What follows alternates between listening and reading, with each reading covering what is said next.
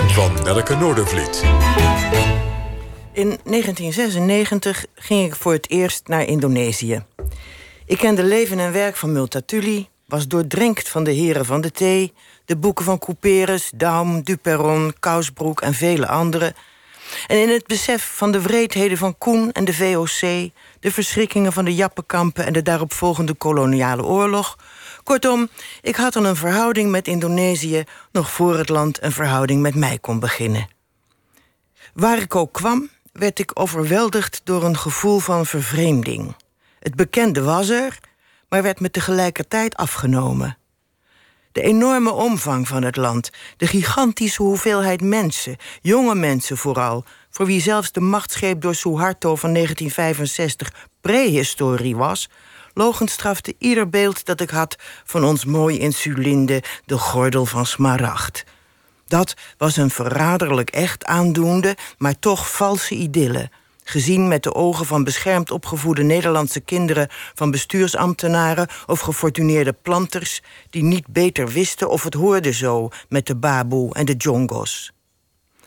De resten van Nederlandse aanwezigheid zijn opgeborgen in een handvol woorden, een architectonische herinnering hier en daar en in de geest van een groepje oude vrouwen wier mannen zijn geëxecuteerd.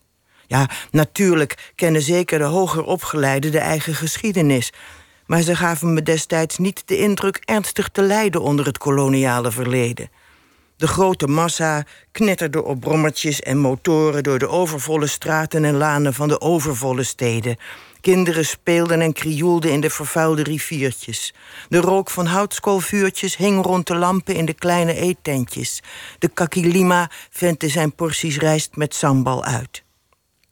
Op zoek naar locaties waar Multatuli was geweest, kwam ik bij de theeplantage Parakansalak in Prejanger. De manager die ik aansprak was erg vriendelijk. Af en toe kwam er inderdaad wel eens een bezoeker uit Nederland. Hij glimlachte alsof hij ons de onbegrijpelijke nostalgie wel gunde. Hij wees op het huis. Daar hadden ze nog gefilmd voor Max Havelaar. Ja, ja, knikte ik. Indonesië is op weg naar de toekomst. Het verleden is voor al die jonge mensen nauwelijks interessant. Een heel ander verhaal is het voor degenen die na de oorlog naar Nederland kwamen. De Indo's, de Molukkers, de knilsoldaten. Hele families die zich hier in de kou ook in de kou voelden gezet. In kampen, ghetto's, zoet gehouden met beloften.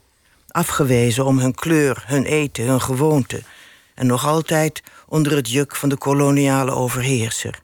Verteerd door heimwee.